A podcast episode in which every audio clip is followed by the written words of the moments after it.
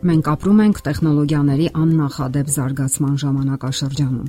Ժամանակակից տեխնոլոգիաներն անկասկած թեթևացնում են մարդու կյանքը, սակայն գոյություն ունի մի կարևոր պահ, որն արժանի է առանձնահատուկ ուշադրության։ Ցանկացած սարքի, գործիքի կառավարման ղեկը մարդու ձեռքին է, եւ նրանից է կախված, թե ինչպես կօգտագործի նա գիտության այդ հաղթանակը։ Յուրաքանչյուր նորարարություն կարելի է օգտագործել թե խաղաղ նպատակներով եւ թե ռազմական։ Եթե մի դեպքում այն օգնում է մարդուն եւ թեթևացնում նրա կյանքը, ապա մեկ այլ դեպքում նա մահ է սերմանում եւ այն այլ այնպիսի այնպիսի միջոցներով, որ հաճախ պարզապես անհնար է պաշտպանվել։ Գիտնականներից մեկն ասել է, որ եթե մենք հսկաներ ենք գիտության բնագավառում, ապա թզուկներ ենք բարոյականության բնագավառում։ Եթե մենք մի ժամանակ հպարտանում էինք գիտության առաջընթացով, ապա այսօր վախեր ունենք այդ նույն գիտության առաջընթացից, որովհետև չգիտենք, թե նա վաղը ինչ կբերի մեր գլխին։ Եվ այդ պատճառով մեծապես կարևորվում է մարդու հոգևոր բարոյական մակարդակը։ Մեկ այլ հարց է, թե ինչպես դիմագրավել տեխնոլոգիաների վնասակար ազդեցությանը մեր հոգևոր հոգեկան աշխարհի վրա։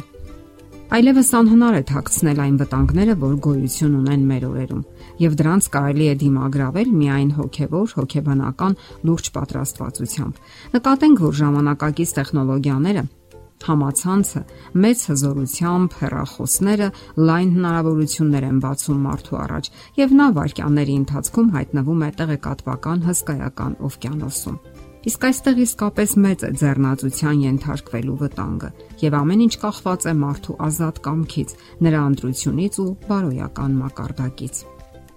Ժամանակակից տեխնոլոգիաները հարաբերությունների ընթարցակ ոլորտ են տեղափոխում մարդուն։ Կարևորվում է սեռերի միջև փոխհարաբերությունը Սա շոշափում է բոլորի շահերը եւ մեծապես մտահոգում յուրաքանչյուրին։ Իսկ որքանով է ժամանակակից մարդը պատրաստ դրան։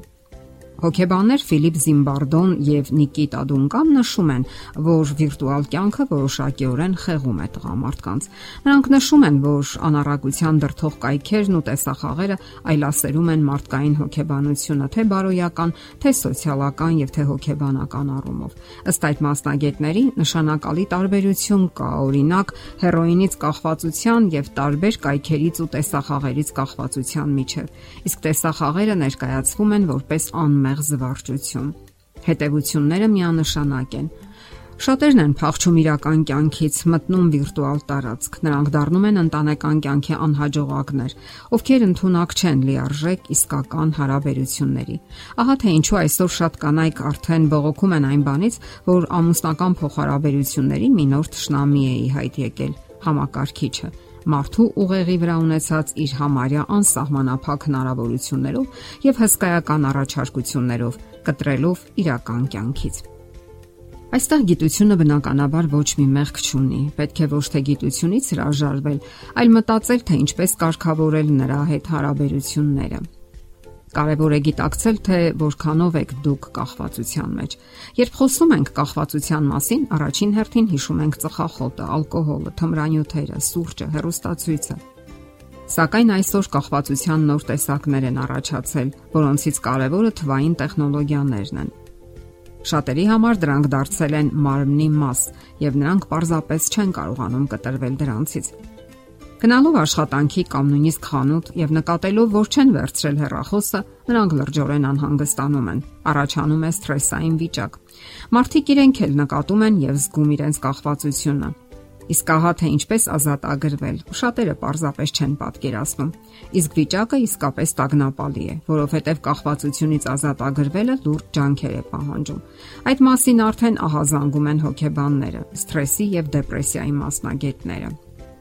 Միագելքը գիտակցված մոտեցումն է ժամանակակից տեխնոլոգիաներին։ Սա է միագելքն ու հնարավորությունը իրեն ենթարկելու անշունչ սարքավորումները։ Նրանք մեր փոխարեն չեն կարող ընտրություն կատարել։ Մենք ենք որոշում, թե մատի մեկ շարժումով դեպի ուր ուղղել համակարգչի մկնիկը։ Իսկ ինչից կարող ենք սկսել Առաջնահերթ սկսենք հասկանալ, թե ինչով ենք զբաղված համացանցում կամ տեղեկատվական օվկիանոսում։ Ինչ զգացումներ եւ ապրումներ ենք ունենում, երբ սլանում ենք համացանցի անծայրածիր տարածքներում։ Տագնապ եւ գրգռվածություն, իսկ միգուցե հոգնածություն կամ նույնիսկ ատելություն։ Մենք կարող ենք այսպիսի հարցադրումներ անել։ Արդյոք ինձ համար օգտակար է այս կայքը։ Ինչ եմ ցանկանում ստանալ այս կայքերից ինչ զգացումներ եմ ունենում, երբ կարդում եմ այս կամ այն նյութը։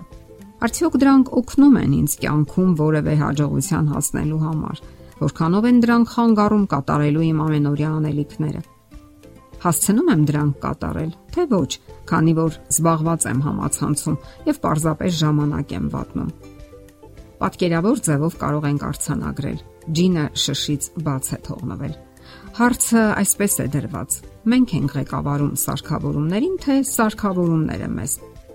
Համացանցը մեզ միացնում է աշխարհին եւ տալիս այնքան շատ օգտակար եւ թե խորտ մտքեր ու գաղափարներ։ Հարցն այսպես է դրվում. ո՞րն ենք ընտրում մենք։ Դա էլ որոշում է մեր հոգեվոր հոգեբանական պատրաստվածության մակարդակը։ Զգոնությունը դեռ ոչ մեկին չի վնասել։ Եթերում է առողջ ապրելակերպ հաղորդաշարը։ Ձեզ հետ է Գեղեցիկ Մարտիրոսյանը։ Հարցերի եւ առաջարկությունների համար զանգահարել 033 87 87 87 հեռախոսահամարով։